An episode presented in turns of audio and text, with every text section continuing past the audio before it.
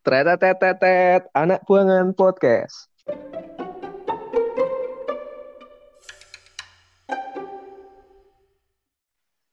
Yo, Halo semuanya.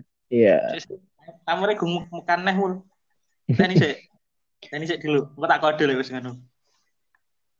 Kode Yo. siap. Selamat malam, selamat siang, selamat pagi, selamat sore, selamat selamat apa saja. Halo semuanya. Iya. Ya. Kembali Oke. lagi kita Iya. bisa Jadi podcast lagi. Jadi mulai kita bikin jadwal lah seminggu sekali kita take podcast karena di luar ya juga sibuk kita Det ya. Iya, sombong sekali. sibukin. Dibilang sibuk nggak sibuk, dibilang nggak sibuk ya sibuk. Dibilang nggak Iya. sibuk, nggak banget ya. Itu Nganggur gue Det, anjay. gimana ya namanya kahanan Kahanan di tanah orang ya kan. Sebenarnya nggak si- sibuk nggak sibuk, sibuk sih. Akhir ini kan aku jadi diklat itu kan belum selesai Pak. Masih banyak tugas. diklat online. Iklan Sekolah online. Iku, Sekolah online. Semoga habis ini mos itu aku- juga online. apa Det? Adikku mos juga online. PLS. Serius? Serius? Online. Nggak bisa nangis dong? Ya nggak seru. Gak seru, gak iso, gak, gak ini yang naik panggung. Nggak ada yang naik panggung. Nggak ada cerita nanti ya. Enak cerita. Ceritanya online. Oh, Paling cerita nah. online gitu, sinyalku hilang. Siap hilang. Aku dulu pas mos sinyalnya hilang. Wifi ku error. Wifi ku error. Sinyalku hilang. Kasian banget ya angkatan kita ya. Bukan angkatan kita sih. Sekarang ini. Tapi Det, ada konspirasinya loh COVID ini. Konspirasi apa lagi? Konspirasinya ternyata kayak gini tuh berulang dengan periode men.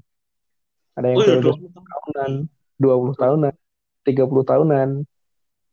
Dan Hmm. ternyata COVID ini katanya sih berapa berapa ratus tahunan ya? 100 tahunan apa ya? Dulu waktu berapa ya? 19 18 1918 1918 atau 1920 itu ada ini flu-flu juga. Flu apa tuh namanya? 1920 itu. Nah, kayak gitu. Jadi ini periode per 100 tahunan tuh ada pergeseran anjir. Dan kita hidup ngerasain men, bayangin. Tapi Gue tuh sebenarnya nggak nyangka gitu loh, nggak nyangka kok kok sampai segitunya gitu. Ini memang rega parah banget sih sumpah. Kayak aku tadi habis belanja di hypermart gitu kan, di foodmart gitu. Di sini tuh banyak dead stock men, hmm, banyak dead stock. Dan itu bahaya loh kayak katanya tuh. Gimana kalau menurut lu dead stock tuh gimana? Lu kan anak sosum nih. dead stock apa ini? Dead stock, dead stock. Aku nggak ngerti. Wah kamu nggak tahu dead stock tuh ini eh stok yang tidak boleh di ini sebenarnya ada perhitungan di mana ya? Manajemen atau manajemen atau apa gitu? Manajemen atau Kayak gitu. Industri industri boleh. Jadi ada namanya dead stock itu barang yang nggak bisa keluar. Nah itu bahayanya. Jadi sebenarnya ada perhitungannya kan supply and demand-nya katanya gitu. Supply demand-nya itu berapa? Nah itu dikira-kira proyeksinya tuh bisa menghabiskan segini loh gitu. Ternyata barangnya ini nggak laku gitu di pasaran. Nah itu jadi dead stock gitu. Oh, Jadi iya. di gudang itu berlebih dan harganya jadi masa kayak di di sini tuh Sprite tuh 5000 loh Pak. Sprite yang 1,5 liter itu. Eh? 5000. Bukannya 15 ribu ya? Nah, di sini tuh lagi dead stocknya itu jadi 5000 perak. Hmm. Asalnya Dan aku aku nggak pernah beli, nggak pernah beli Sprite, beli Coca-Cola karena ya Sprite dikasih gratis. Ya. tiga tiga lusin masih Yo, dikasih dana CSR dimakan sendiri. Iya, iya, iya. enggak itu emang dari kantor. Inilah parcel. Hmm, parcel. Nah, yang mau dapat parcel banyak kerja di Pertamina. Wah, mantap. Mantap sekali bos Pertamina nih. ya, Tapi- amin. Jadi takut gitu loh, Det. Ini COVID nih efeknya besar banget nih. Jadi aku sampai nanyain ke ini, kalau ada apa-apa gitu ke ke kasirnya, Mbak ini kok banyak apa namanya barang gitu. Iya mas, dead stock katanya.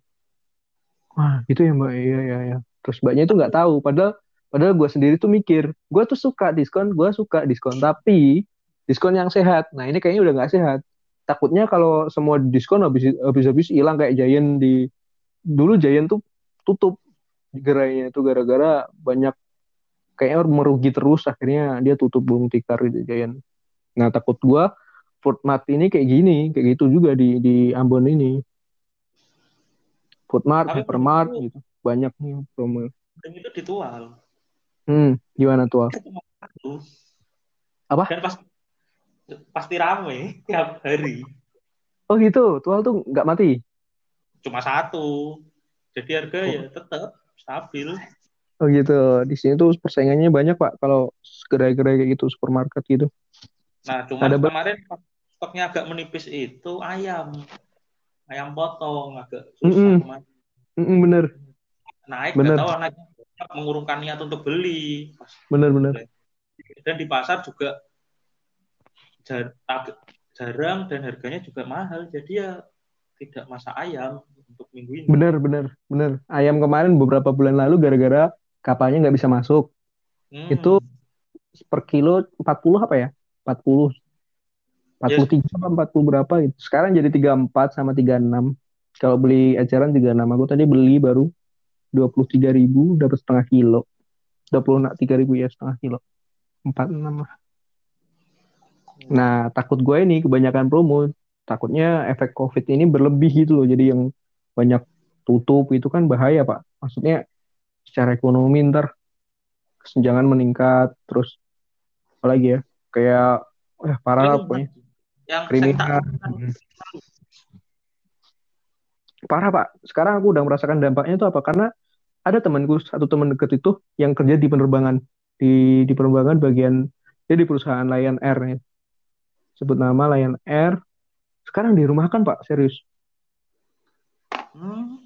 kejadiannya tadi rumah temanku sendiri ya, gara-gara covid ini gara-gara penerbangan tuh nggak ada jadwal nggak ada ini dan banyak pesawat yang di mana di dihanggarkan gitu dihanggar di di diparkirin gitu doang gara-gara belum berjalan kayak gitu mungkin bahaya juga kalau berlama-lama kayak gini ini baru kuartal keberapa ya dua tiga tiga Ya, semoga cepat ya. cepat beres. Katanya sih, katanya ya, kalau dulu Januari masih satu tahun lagi, Pak. Kira-kira bulan Juni tahun depan. Masuk. Yo, ya di jalani aja lah. Iya, iya, iya sih. Yo, kalau ngomongin covid nggak bakal ada habisnya langsung aja lah. Kalau menurut lu, menurut lu yang lebih serem dari covid itu apa? Maksudnya efek yang ditimbulkan dari covid itu? Kita ini bahas-bahas isu yang terkini nih. Yang lebih serem apa ya kebiasaan baru ya pasti lah Tuh, apa kebiasaan baru yang ini yang serem? Kayak nggak ada bedanya deh. Ini sih pola pola interaksi sih kayaknya. Contohnya? Ya kan sebelum covid sebelum covid tuh masih cara apa ya kayak tatap muka ny ngobrol nyangkruk gitu kan sesuatu kewajiban. Tapi setelah agak covid kan agak menurun kan sempat nggak boleh kumpul nggak boleh ini. Jadi dialihkan ke zoom MT di satu sisi ya, baru cuma bener. di sisi lain harus siap kuota. Beda aja sih ngomong langsung sama ngomong virtual. Hmm, benar-benar. Rasanya beda. Ini kan ngomong langsung iso bisa gini, bisa memaki-maki, ngelok hmm, ngelok nih, mencaci, Dan, memaki, menganiaya, gitu. Nah, enak. Enak. Kalau sekarang ya gitu. Iya lebih ke ini sih, lebih kecuriga sesama teman gitu loh. Jadi agak anjir ini orang covid nggak gitu. Kayak tadi gue sholat sholat mana? Oh, iya. Di sini tuh masih sholat ini loh, masih sholat biasa. Yang ada masjid yang biasa aja. Yang di gang itu masjidnya biasa aja. Maksudnya biasa tuh nggak ada jaraknya gitu. Itu jadi mikir, ini sebelah gue kok agak ini, agak apa namanya? Flu gitu, anjir ngapain dia? Nah, jadi nggak fokus sendiri. Gitu. transportasi umum kayak gitu. Weh, mikir-mikir. Hmm. Batuk sedikit, Anda ber, Anda COVID. Hmm. Pilek dikit, COVID, COVID. Hmm. Kayak gitu. Itu nyata loh, Det, tapi Det. Yo, Tadi aku cek itu sekarang udah 300-an yang pernah COVID positif nih. Terkonfirmasi positif itu ada sembuh 111, meninggal 17, dirawat itu 186. tapi per hari ini juga Indonesia mau nyalip Cina. Hmm, Negara di Lartek tadi ya, benar. Anjir. Artinya apa? Artinya penanganan COVID ini belum maksimal gitu, belum masih belum berjalan malah. nggak buktinya- maksimal sama sekali. Buktinya kurva kurvanya itu terus naik gitu. Naik tuh naik gunung turun gunung, bawa payung hujan turun, eh naik lagi. Pernah turun emang belum, Pak? Yo, turunnya dikit, turunnya sehari, naiknya lima hari, turun sehari, naik lima hari. Gitu terus tiap hari tuh. Cina aja disalip, Indonesia tuh nggak mau kalah. Bagus jiwa kompetitifnya. Ya cuman bak- jangan di COVID juga. Kayak gitu. Ya jangan di COVID lah. Tapi secara nggak langsung dengan adanya COVID akan menghasilkan keterampilan-keterampilan skill baru, pekerjaan baru gitu. Mungkin yang suka di rumah aja bisa ada bisa menciptakan pekerjaan baru, misal banyak sih kayak desain, desain, desain gitu, terus terus programmer itu cukup kerja dari rumah. Nah, cuman banyak juga yang harus yang harus kekat pekerjaannya yang terbiasa di lapangan karena COVID ini dan dampaknya dia nganggur. Iya sih Pak, ngeri Pak, soalnya Pak. Tapi ngomong-ngomong masalah pekerjaan nih, pekerjaan. Jadi kan dari kecil lah kita pasti punya mimpi kan dari Hmm. SPK atau Dari kecil lah ya, intinya ya. kecil lah kita punya mimpi. Tapi pertanyaannya, apakah Pekerjaan lu Mimpi. sekarang di masa kecil sesuai dengan kondisimu yang sekarang? nggak tahu ya, enggak sih kalau gua Pak. Tapi aku bingungnya gini, ada loh yang cita-citanya stabil dari kecil sampai sampai usia usia dewasanya dia sesuai doanya dikabulkan. Hmm. Udah paten gitu ya, paten lah. Oh. Sedangkan ada juga yang tiap menempuh masa pendidikan berubah-ubah cita-citanya. Contohnya saya, Hmm. aku Tahu TK dulu TK jadi apa? Yo, TK dulu apa ya? TK lupa aku karena aku TK cuma setahun. Umur 4 tahun Oh, TK. akselerasi dia. Jadi lupa. Akselerasi terus. Juga akselerasi karena gurunya ibuku sendiri. Satu tahun, empat tahun udah bisa baca. Gua Lima tahun bener. waktu SD. Yo, aku SD eh, yo lumayan pinter, pinter. Pinter orang SMP-nya aja RSBI coy. Iya. Itu jadi pas SD cita-citaku dulu Hmm.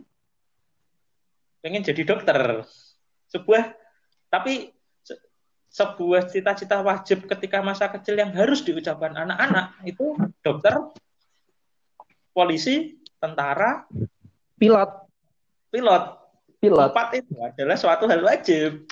Gue pilot, gue pilot. Gue inget banget gue TK pilot. Kalau lo dokter. Heeh. Hmm.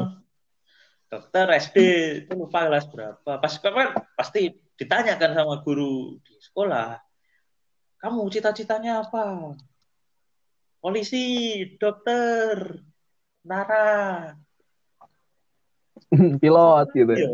Kayaknya kalau SD itu itu aja kan, itu itu tok. apa apa lagi? Paling sepak bola, pemain sepak bola. Eh, itu ada juga temanku yang ngomong kayak gitu, pemain sepak bola. Hmm. Hmm. Apa lagi ya?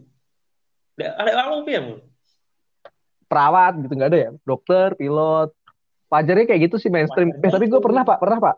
Gue dulu pernah pengen jadi AA Gim.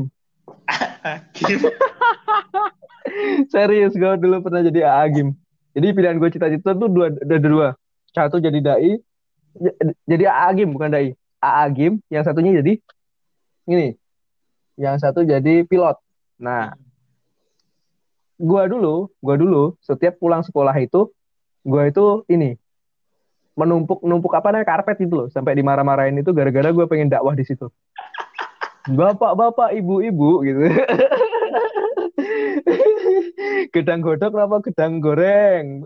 Eh, pun ngantuk nopo derek eh gedok nopo gedang goreng? Pun ngantuk nopo dereng? Ya masih apa sampai sekarang men. Jadi dulu tuh iya serius. Sampai di keluarga gue tuh ada, ada namanya adik gue tuh namanya gimnastiar hmm. saking terinspirasinya sama Agim men bayangin dulu tuh Agim wah kalau nggak gara-gara apa namanya dulu kan kayaknya difitnah gara-gara ini ya istri dua ya istri dua ya Yo, dia nikah. Istri dua yang hmm. kalau nggak salah satunya itu di bawah umur. Bukan Pak, itu Saiful Pak. Eh, lah lupa, lupa. Ah, Bukan, kalau Agim dulu tuh cara mematikan ininya, citranya itu dengan wanita, saya ingatku. Hmm. Jadi orang Indonesia tuh stigmanya masih jelek tentang poligami. Nah, ternyata Agim tuh poligami beneran. Akhirnya dia ya sekarang akhirnya meredup karirnya ya gara-gara itu cita-cita terus SD lu jadi apa deh SD ya itu dokter aku SD SD dokter SD SD dokter TK apa TK TK lupa karena aku empat tahun TK jadi yo wis lupa hmm SD dokter terus dokter nggak salah oh, terus SMP pengen jadi politisi serius Uh, uh, jadi aku itu sudah punya keinginan pengen kuliah di FISIP UI. Belum tahu jurusannya. Pokoknya FISIP UI. Ter termasuk visioner loh, Dad, loh, Dad. Udah iya. tahu oh, gue pengen juga sini gitu. Dari SMP udah pengen makanya kuliah apa SMA senam PTN SBM ambil UI. Tidak diterima. Tuh. Pengen politis ya SMP. Oh gitu. Iya pengen jadi politisi. Gak ngerti hmm. pengen naik pokok kuliah di FISIP UI. Bos jurusannya apa itu pokoknya FISIP UI dulu. Oh gitu. Gua, kalau gua pengennya teknik. Oh, iya. Pengennya teknik dari SMP. SMP gue jadi pengen jadi apa ya SMP? SMP gue lupa. Uh, eh, gue jadi pengen jadi ilmuwan SMP. Anjing. Einstein. SMP SMA. Serius SMP SMA gue pengen jadi ilmuwan jadi ilmuwan kayak apa ya ya udah sih kayaknya keren gitu bisa mikir gitu nah SMA pengennya teknik ini nggak dapet semua dapatnya di Meteo ini aku SMA di farmasi deng di farmasi loh cita-cita aku pengen jadi ketua PSSI gampang itu tinggal jadi perwira TNI ya. Jadi kan pas kelas 10 pokoknya ada lah yang guru nanya satu-satu. Cita-cita hmm. apa? Aku yang ngomong pengen jadi ketua PSSI iya. Mantap kali pak. Pengen ketua PSSI eh Dad, Dad ngomong-ngomong Dad. Ngomong-ngomong. Men mengapa menurut lo itu di posisi strategis-strategis di pimpinan kayak PSSI gitu terus Kementerian Agama kayak gitu tuh kebanyakan kok jadi jenderal kenapa kalau menurut lo? Jadi PSSI dulu ya ngomong PSSI. Hmm. Di PSSI itu cara pemil pemilihannya itu melalui voting Asprof. Ada yang namanya Asprof, Asosiasi Provinsi. PSSI-nya tiap daerah lah, tiap daerah itu ada PSSI-nya, kabupaten, kota, provinsi itu ada. Jadi dia memberikan suara, terus ada dari klub Liga 1, Liga 2, Liga 3. Nah, itu yang punya suara memberikan suaranya ke masing-masing calon yang mendaftar. Nah, setiap calon yang mendaftar ini setidaknya harus memiliki dukungan dari Asprof dan tim minimal berapa persen gitu. Harus pokoknya ya mirip-mirip pilkada lah, mirip pilkada mengumpulkan KTP kayak gitu. Nggak tahu kenapa. Ya sebenarnya. Nggak tahu kenapa yang terpilih polisi itu Iwan Bule. Dia kan polisi. Nggak tahu kenapa, padahal dia menurutku tidak ada background di sepak bola. Cuma bisa kepilih dan berbicara soal PSSI, di PSSI ada yang namanya eksekutif, anggota exco, eksekutif commission. Itu isinya orang-orang lama dari zaman Agung Gumelar sampai sekarang isinya ya orang-orangnya itu-itu aja. Hmm. Jadi PSSI itu kacau sih internalnya kalau di kalau tahu tuh kacau internal PSSI. Nah, kenapa dulu SMA aku pengen jadi ketua PSSI ya karena itu. Dulu kan kalau nggak salah pas ketuanya Lanyala Mataliti kalau nggak Nurdin Halid itu korup, korupsi. Dari situ pengen jadi ketua Pak Nurdin, Nurdin. Memperbaiki Nurdin dulu tuh. Bisa. Hmm, terus si calon-calonnya ini kalau nggak salah itu tujuh calon apa enam calon kemarin. Dan si Iwan Bule itu menang telak. Menang telak lah pokoknya terus. Yang bikin di situ. Padahal polisi. Calonnya tuh ada mantan pemain bola Kurniawan Dwi Yulianto. Kalau nggak salah dia Sendiri itu pernah tuh kayaknya. Kalah. Kalah sama polisi yang nggak ada background apa-apa di sepak bola kacaunya di situ. Kenapa semua hampir semua Asprof sama tim Miliwan Bule itu ya mungkin ada kong kali kong di situ. Hmm. Kayak ini gini, gini men. Hmm? Misalnya misalnya kalau positif thinking nih, kenapa kok bisa Iwan Bule yang di, di ini? Kok bisa Iwan Bule yang di, dipilih? Mungkin kalau menurut lo? Janji-janjinya itu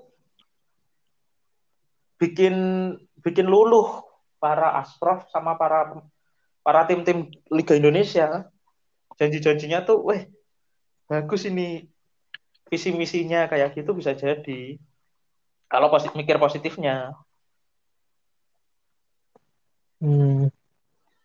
bisa membawa arah kalau menurut gua baiklah pandangan gua pandangan gua sendiri kayaknya memimpin itu ada seninya men. Memimpin itu ada seninya. Nggak semua pimpinan itu dihormati Hmm. Dan gak yang dihormati itu mesti pimpinan masalah. Tapi kebalik deh. Dan biasanya yang dihormati itu mesti pimpinan. Jadi iya. orang lo, misalnya lo dihormatin gitu, kemungkinan besar lo jadi pimpinan. Hmm. Dan kayaknya nggak mudah gitu loh. Dan mungkin itu salah satu faktor yang dimiliki Iwan Bule. Dia punya jiwa kepemimpinan karena dia ada background di polisi pernah jabat apa gitu. Ya itu kalau nggak salah iya. Kan apa apa ya lupa aku untuk ininya. Mungkin karena itu dia ada nilai positif lebihnya lagi dari si Iwan Bule itu. Ya tapi kalau ada satu orang yang membawa perubahan tapi kalau internalnya masih orang-orang itu ya susah susah buat berubah itu PSSI dan sampai sekarang PSSI ya tetap gitu-gitu aja. Malah sempat mengalami kemunduran. Kalau menurutku dari dibanding beberapa tahun yang lalu. Itu. Nah kalau ngomong soal cita-citamu SMA mul itu gimana mul Mul, hilang mul.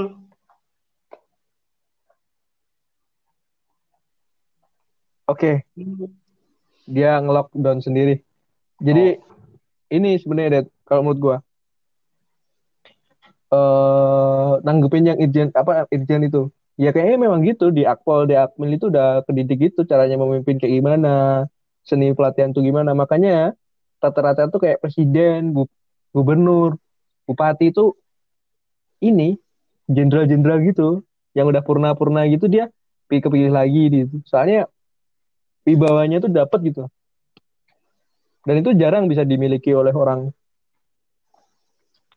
Hmm, Kemudian ya, tapi kalau misalkan dia memang berkompeten di bidang itu gak masalah. Hmm. Cuman kalau dilihat di jajaran menteri Menteri Agama deh. Apakah dia Hmm. ada background santri? Background ini apakah dia ada?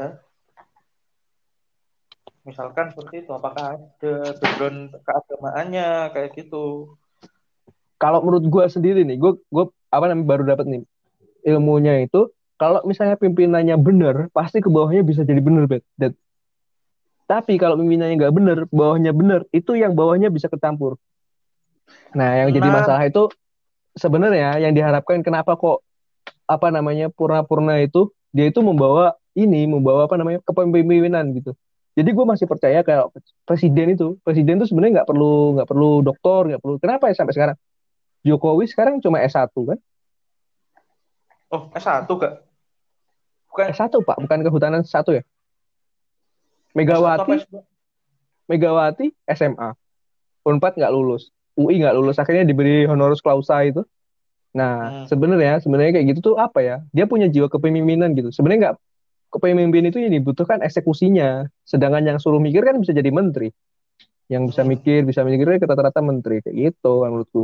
Nah, mungkin diharapkan kenapa kok di di di mana tuh instansi-instansi itu kebanyakan kok ini purna-purna jenderal gitu karena dia biasa memimpin dan kepemimpinannya bagus gitu misalnya. Oh, oke. Tapi kalau gue. kenapa Oke, pengen balik lagi. Hmm, kenapa? Gua ini agak orangnya apa ya? Du gua dulu tuh kayak apa ya? Aneh gitu loh. Maksudnya bukan aneh sih. Gua percaya kalau gua pinter. Gua percaya kalau gua pinter. Gua baru kehilangan kepercayaan gua ketika naik kelas berapa ya? Kuliah anjir goblok. Serius, ke- ketika gua kuliah tuh kayak pinter tuh di sini nggak butuh men. Akhirnya goblok-goblok beneran. Bener. Yang dibutuhkan adalah sebuah keberuntungan. Hmm, bener. Anjir sialan tuh.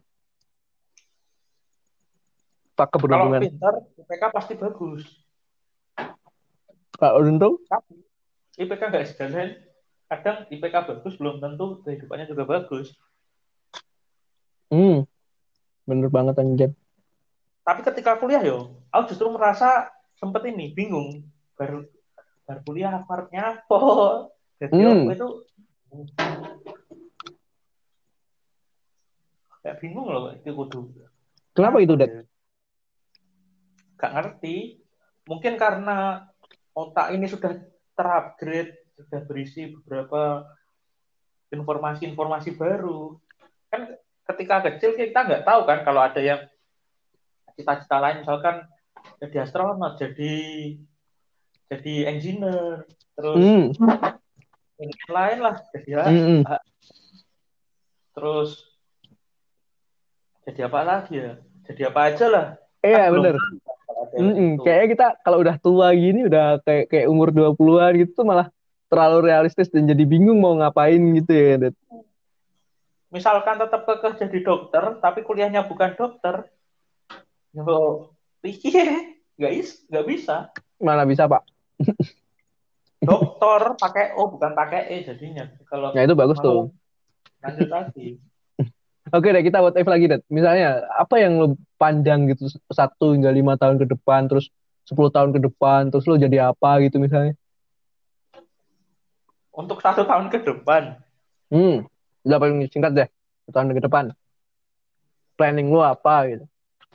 planningku karena kontrakku sampai Desember Hmm, kalau misalkan nggak ada perpanjangan cari kerjaan lain kalau ada masih dipertimbangkan 50-50 masih tinggi cuma tahun depan tetap pengen kerja di bidang CSR sih bidang CSR dan kalau bisa di sektor energi pengenku Oke. gitu misalnya nih, kamu diperpanjang, weh, jadi jadi pegawai tetap nih, semoga amin gitu. amin itu tes lagi sih ikut rekrutmen resmi Pertamina Ya nggak apa-apa, amin gitu aja. hmm, kalau Apa buka, ya pandangan lo, Dad? tak usahain tapi pengen pengenku sih pengenku cari pekerjaan yang statusnya pegawai tetap Alurnya gimana sih pegawai tetap, Pak?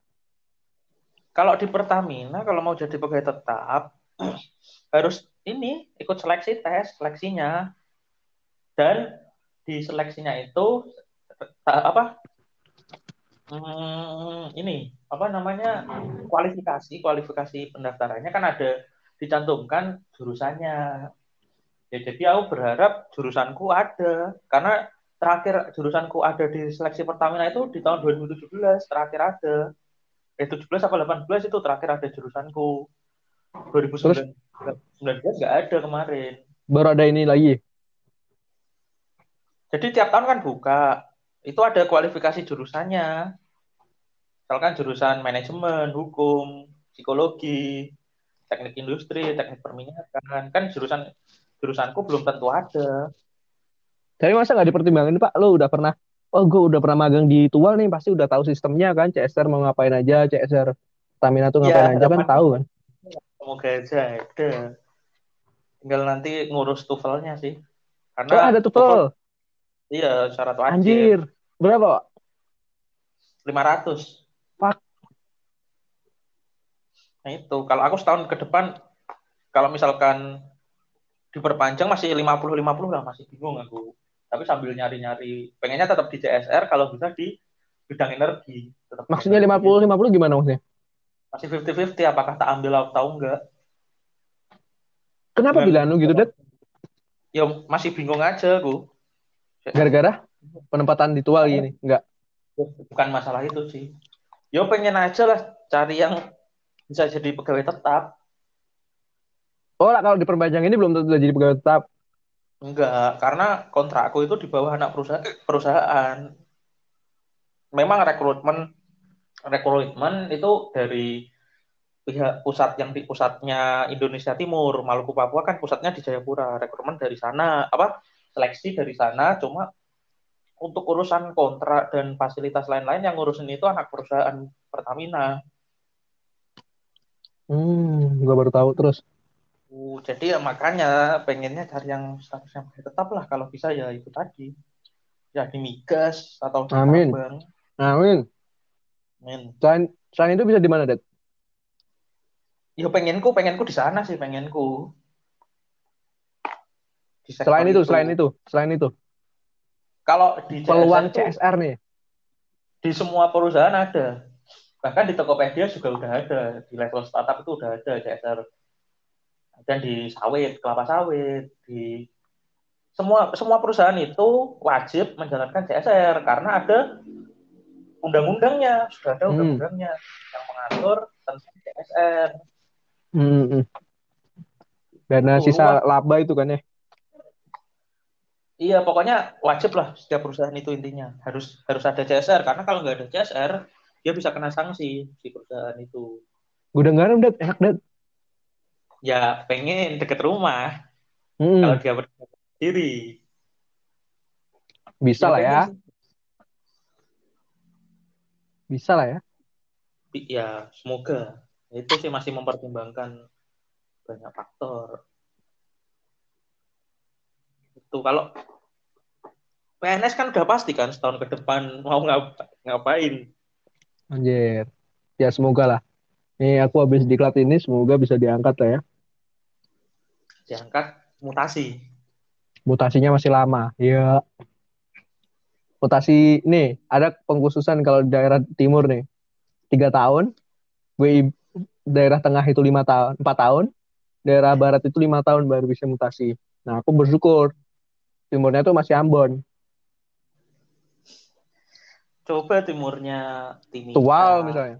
Tual. Tual ya. Ya, cuma masih mending duga coba bayangin. Enggak ada, Pak. Penempatan di duga. ada deh, mimika ada mimika. Ya, mimika, mimika duga. Mikir untuk jangankan mikir apa ya, mikir main, mikir untuk hidup aja. Ada Pak temanku penempatan situ, Pak. Dia sekali pulang berapa ya? Lima apa ya? eh, buat pulang dong pulang doang nih belum berangkat lagi nih maksudnya masih P nih belum PP gitu pak itu bisa lebih lima aku kemarin iseng-iseng ngecek Jayapura hmm. Ambon, Garuda Indonesia 8 juta. Garuda Pak, yang biasa aja. Gak ada untuk sekarang itu nggak ada di timur. Iya kah? Coba cek Jayapura Ambon, aku nemunya Garuda. Oh, kalau itu nggak bisa, kalau itu nggak bisa. Yang bisa itu dari Jayapura itu ke Makassar dulu. Makassar, baru ke Ambon. Mm -mm. Kalau Jayapura Surabaya itu berapa ya? Oh, masih murah, Ded. Satu sembilan. Eh, satu sembilan. Justru yang lebih jauh lebih murah. Rutenya eh? Tapi, Rutenya Pak? Oh, kalau mutasi PNS itu apakah ketika nanti awakmu punya prestasi ngono bisa mutasi lebih cepat gak sih? Seharusnya bisa. Nah, bikin aja prestasi. Tapi prestasinya mesti ke pusat tariknya, Pak. Jadi pusat memerlukan orang ini nih. Nah, itu bisa. Ya. Tapi nih mohon maaf nih orang kayak gua, Pak. Duh. Biasanya orang yang di underestimate itu bisa menciptakan sesuatu yang mengejutkan. Apa ya, Pak? uh, lebih ke males mikir lagi sih sebenarnya. Soalnya nih, soalnya teman-temanku tuh kayak pro-pro semua gitu, Dad. Jadi, ini menurutku lembaga yang masih menggunakan pikirannya itu ya itu. BMKG itu harus terus belajar misalnya. BMKG, STAN, STIS itu.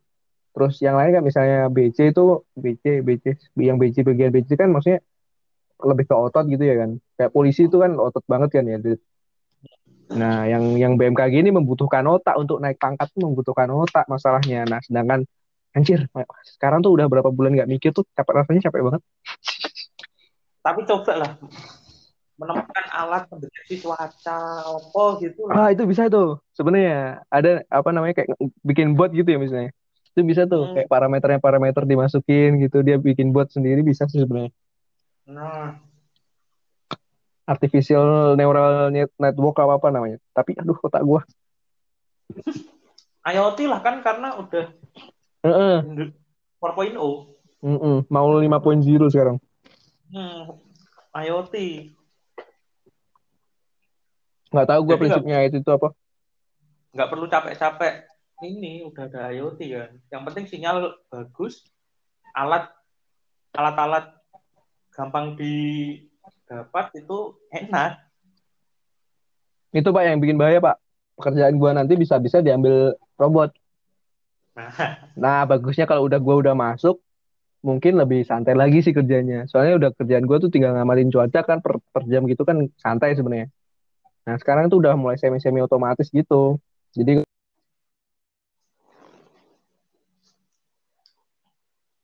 Misal gimana?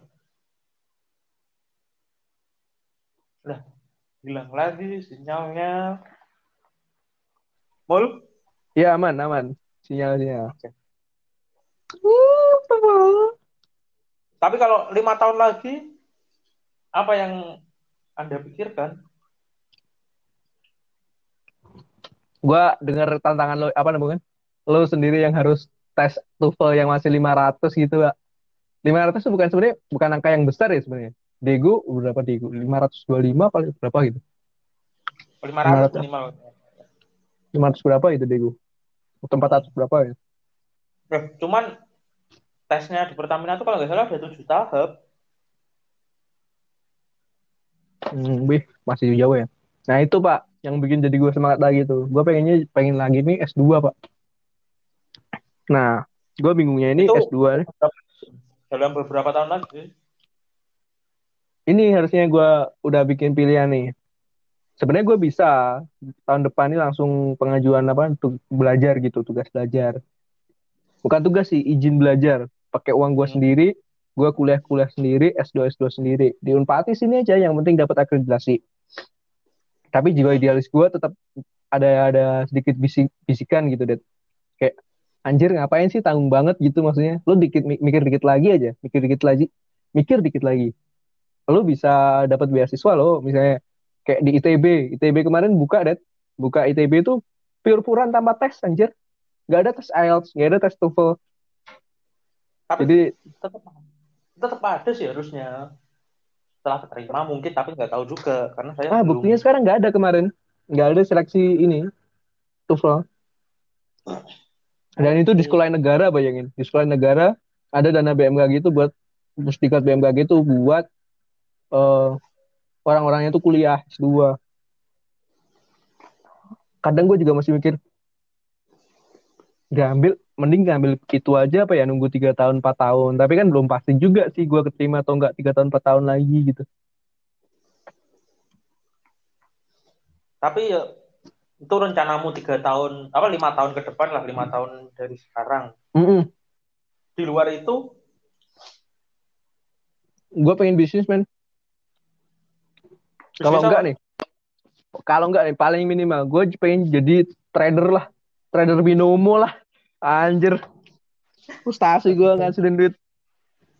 Dengan binomo siap. budi budi. Budi budi, bu- budi darwo udah pokoknya bodo amat lah jadi trader trader binomo lah anjir. Terus selain itu? Ada pikiran gila gue ada bukan gila sih sebenarnya agak masuk akal masuk akal. Gue kan di Ambon nih sekarang. Gue tuh Hmm. di Ambon nggak mau sia-sia gitu. Oh Gua- iya, iya. Gue pengennya nih di Ambon ini ada ada sebuah komoditas nih bagus. Namanya tetelan ikan tuna.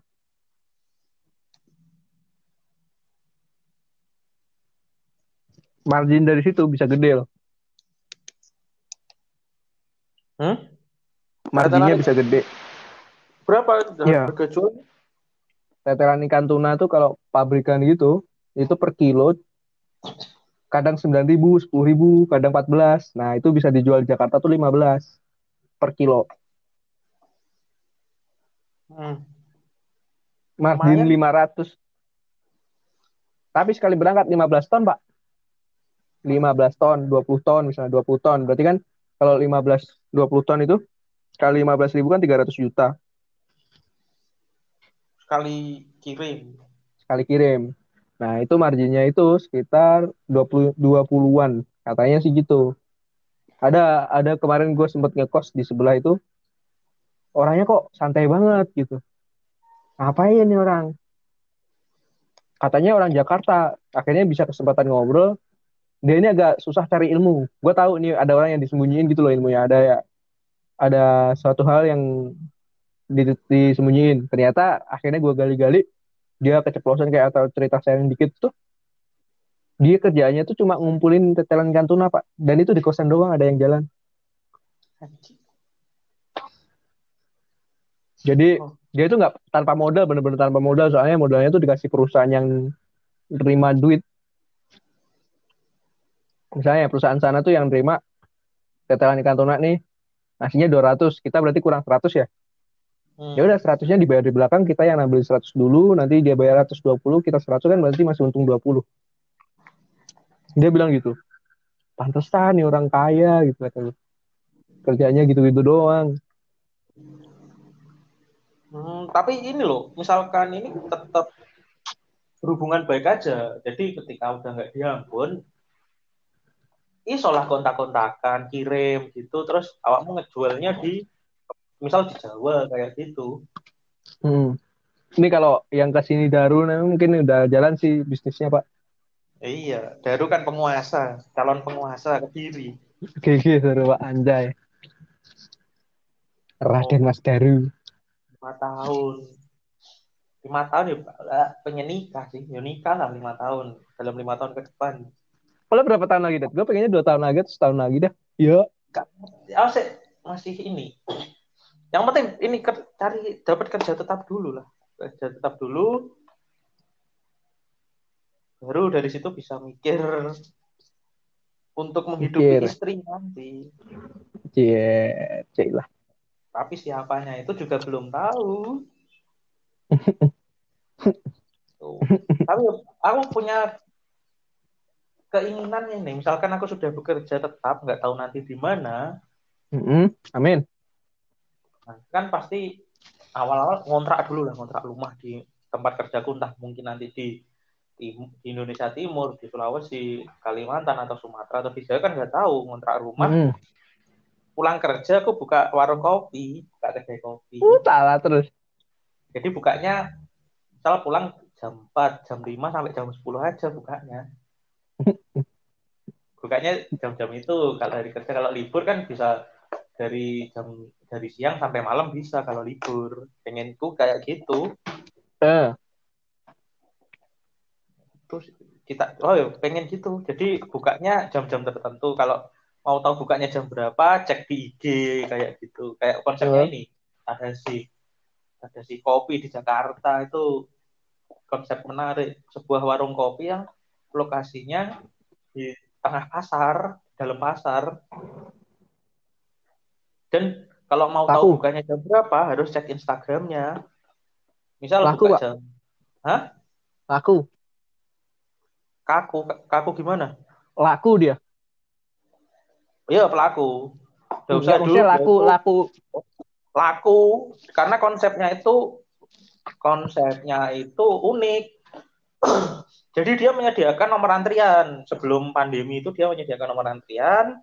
Kita ambil nomor antrian, nanti masuk ketika masuk di barnya diseduhin kopi sambil ngobrol. Sambil ngobrol sama baristanya, dia bisa tanya-tanya lah sebagai pengunjung, tanya bisnisnya apa, kayak gini. Bisa jadi dari hasil itu kan kayak menciptakan suatu pola interaksi. Walau pola interaksi sama meninggalkan kesan kesan kesan enak lah ke pelanggan kalau menurutku. Hmm. Jadi ada antrian setelah dibikinin 30 menit lah satu antrian itu kurang lebih waktunya. Hmm. Jadi 30 menit itu sambil ngobrol, sambil diseduhin ngobrol, keluar ganti pelanggan selanjutnya dengan ritme yang sama. Kalau mau tahu jam Hmm. bukanya, jamnya dicek. Misalkan jam 1 sampai jam 6 sore aja bukanya. Ya udah dia cuma buka sampai jam itu. Misal dia menyediakan untuk 50 antrian, ya udah 50 aja misalkan yang datang lebih dari 50 ya ditolak. Anjir. Gitu. Mahal banget harganya. Maksudnya Harganya harga harga buat lu pasang pride lu itu gede gitu loh. Itu kayaknya perlu apa ya kayak misalnya dia psikolog mungkin bisa deh. ya Jadi itu ngopi bareng psikolog gitu. jadi pramugara yang punya kerja jadi pramugara karena bosan keluar buka kedai kopi namanya Tadasi dia nyebutnya warung sih warung. Namanya Tadasi yang dijual tuh ya cuman V60 sama cappuccino apa cappuccino latte kayak gitu. Nggak kejual menu lain. Menu lain mungkin snack snack gitulah. Pendamping ngopi kayak brownies. Hmm. dan itu kalau cek IG-nya Tadasi Tadasi Tadasi pokoknya namanya nggak tahu Tadasi Jakarta apa JKT itu kesannya enak banget buat ngobrol. Terus apa pernah ada kan podcastnya itu juga aku dengerin tuh oh ternyata kayak gini. Mikir konsepnya itu lama. Pengen yang kayak gimana. Karena Iya kalau misalkan aku buka dan konsepnya sama dengan yang lain ya nggak ada nilai lebihnya katanya gitu. Hmm, hmm. Dia punya ide bukannya di tengah pasar, pasar tradisional, misalkan pasar Stono Betek, di dalamnya ada kedai kopi gitu. Keren sih, keren sih, keren, keren. Bisa sih, Zed. Coba dengerin podcastnya. Ini aja, aja. Besok kita kita cari apa namanya literatur, terus kita bahas kopi misalnya. Berapa sih sebenarnya yang diperluin buat bikin kedai kopi gitu misalnya? Oh, Kita Boleh sih. cari literaturnya. Kalau misalnya nggak sibuk, oh berapa sih harga apa namanya alat-alatnya misalnya? Terus berapa sih kalau nggak Iya. sibuk sewa retailnya misalnya di Stono Betek itu berapa gitu, berapa gitu kan? Kayaknya di Kediri juga lagi jamur ini sih. Iya. Nah makanya yo itu salah satu keinginanku entah lima tahun atau 10 tahun ke depan juga punya Asik. warung kopi. joinan aja, joinan aja, joinan aja. Ded. Ini aja Aku kayak cuma masih mikir konsep yang unik, masih mikir konsep yang unik itu gimana yang enggak anti mainstream. Karena kalau Ntar- larinya ke kopi susu udah banyak. Ntar dari Acap itu ya, Al Cafe Shop is boring. Al Cafe, Al Cafe apa? Dan Our coffee shop is boring. Arboret apa boring gitu. Arboret gitu ya. Hmm, acap. Ya itu makanya pengen cari yang sesuatu yang kayak Tadasi lah. Salah satu kiblatku pengen buka ke depannya tuh kayak Tadasi itu. Hmm, hmm, hmm. Cari sesuatu yang unik, yang beda lah. Jadi nanti kesannya pembeli itu Aja gitu. nggak menemukan nggak menemukan pengalaman di tempat yang lain. Nah kalau kalau aku sendiri misalkan ngopi itu lebih prefer tempat ngopi yang bisa ngobrol sama baristanya. Kenapa gitu malah? Kalau aku prefer yang cari cari tempat ngopi yang kayak gitu karena bisa aku bisa sharing il, ilmu, sharing informasi, dapat informasi baru, pengalaman baru sama baristanya. Oh mungkin aja baristanya dulu pernah pengalaman di di mana, terus pengalaman pengalaman apa kayak gitu bisa sharing. Aku lebih seneng yang kayak gitu. Jadi Tapi ketika betulnya nyedot jadi- itu. Hmm, jadi barista itu susah loh, Det. Ada Yo, apa? terus Ada certified-nya gitu loh. Mahal gitu ada dia. sertifikatnya, ada sekolahnya. Nah itu makanya kan butuh ada juara kompetisi menyeduh manual brew. Dia itu nggak punya kedai, nggak punya kedai. Latihannya numpang di kedainya orang. Cuma dia belum ada kepikiran pengen buka kedai sendiri, tapi masih bingung, masih menentukan konsepnya untuk kedainya itu. Kedai yang beda lah. Kalau aku lihat sekarang, hampir semua rata-rata konsepnya sama. Es kopi Iya sih, kayak- susu, Kayak copy Di- paste, copy paste gitu ya. Eh, kopi paste gitu nggak ada sesuatu yang membedakan lah di luar rasa kayak gitu. Ah, gue jadi inget namanya tuh kopi tuku, Det. Di, di Jakarta, di Bintaro itu ada berapa ya cabangnya? Dua. Di Bintaro sendiri. Bintaro sektor 1 sama Bintaro sektor 9. Itu sistemnya, dia itu lucu. Lucu. Yang satunya ini malah lebih lucu lagi. Dia itu buka kopi gitu, sistemnya Tugo itu, di SPBU bayangin. Oh, iya. Serius. Nah, Di, sesuatu yang unik kan, sesuatu yang unik. Mm-mm. Dan dia nggak menyediakan tempat bener luas, ko- kondisi duduknya luas gitu buat ngantri, tapi buat ngantri doang. Bukan buat duduk di situ, ngobrol di situ nggak bisa. Nah, Lu ngobrol biasa gini, baristanya tuh denger lu yang lu ngobrolin apa. mm, Ada kan ruangan kayak gitu tuh yang kepantul Ada. semua terus kedenger kayak gitu. Nah, tapi dia itu laris men. Gue hitungin, gue pernah hitung-hitung nih. Harganya tuh satunya 18.000 ribu. Dalam satu jam itu ah, bisa sampai 10 hingga 20 orang, Det. Lebih malah. Ngantri. Serius, kayak lu duduk di situ sama temen kan. Satu jam, dua jam, satu jam. Anjir kok cepet banget ya dia ini ya muternya gitu. Sekitar 20 orang gitu waktu lagi rame. Dan itu yang beli kayaknya memang kelas menengah ke atas sih kalau menurut gue dari tampilannya gitu. SPBU-nya bukan. SPBU SPBU yang warna merah bukan. SPBU-nya ini Oren. eh, Petroleum British Petroleum BP Oh, iya iya, BP. hijau hijau hijau. Hmm. Nah, kayak gitu. Terus semakin malam dia buka berapa jam? ya? 24 jam kayak. Semakin malam dia semakin rame. Nah, itu kan Dan it- dari, dari situ akhirnya kan ada kesan tersendiri bagi para pembeli. ada kesan, ada kesannya. Jadi didukung dengan lingkungannya sih. Dia pintar baca lingkungan. Jadi lingkungannya itu ada grab wheel gitu. Grab Nah, wheel, terus itu- jalanan. ha. Katanya sewa di situ mahal pak, Ah, anjir, gila. Dan itu bisa muter di situ, anjir, anjir. Kalau aku sendiri ketika udah menemukan coffee shop yang enak, tempat ngopi, kedai yang enak, ya udah aku bakal stay di situ. Sama, sama. Gue orangnya juga gitu. Kayak di Bandung tuh ada beberapa lah. Di Bandung tuh ada beberapa yang memang udah udah nyaman, udah kenal sama baristanya. Hmm. Makanya jarang cari tempat yang lain karena udah nemu beberapa. Misalkan bosen di kalau nggak tahu di Bandung itu ada tiga tempat, tiga tempat yang udah jadi langganan lah, udah sampai akrab sama orang-orangnya. Jadi ya udah males ini lagi. Udah malas cari-cari lagi ya. Itu itu masih nyari-nyari. Tapi kalau misalkan satu tempat udah Yang- klop, Yang yang kita ngopi itu dulu, Det. Yang hujan-hujan itu dulu. sih, sih, Kita itu main itu. di mana ya? Eh, saya lali aku. Yang kayak kayak rumah biasa gitu loh. Aku salah masuk dulu tuh. Iya. Dia jualannya apa gitu, cuma tahu baca, terus Oh, kopi itu itu.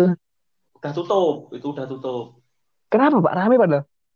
Gak ngerti, udah tutup. Yang di gang itu masuk masuk gang itu kan rame itu kan. Oh, saya masuk kan.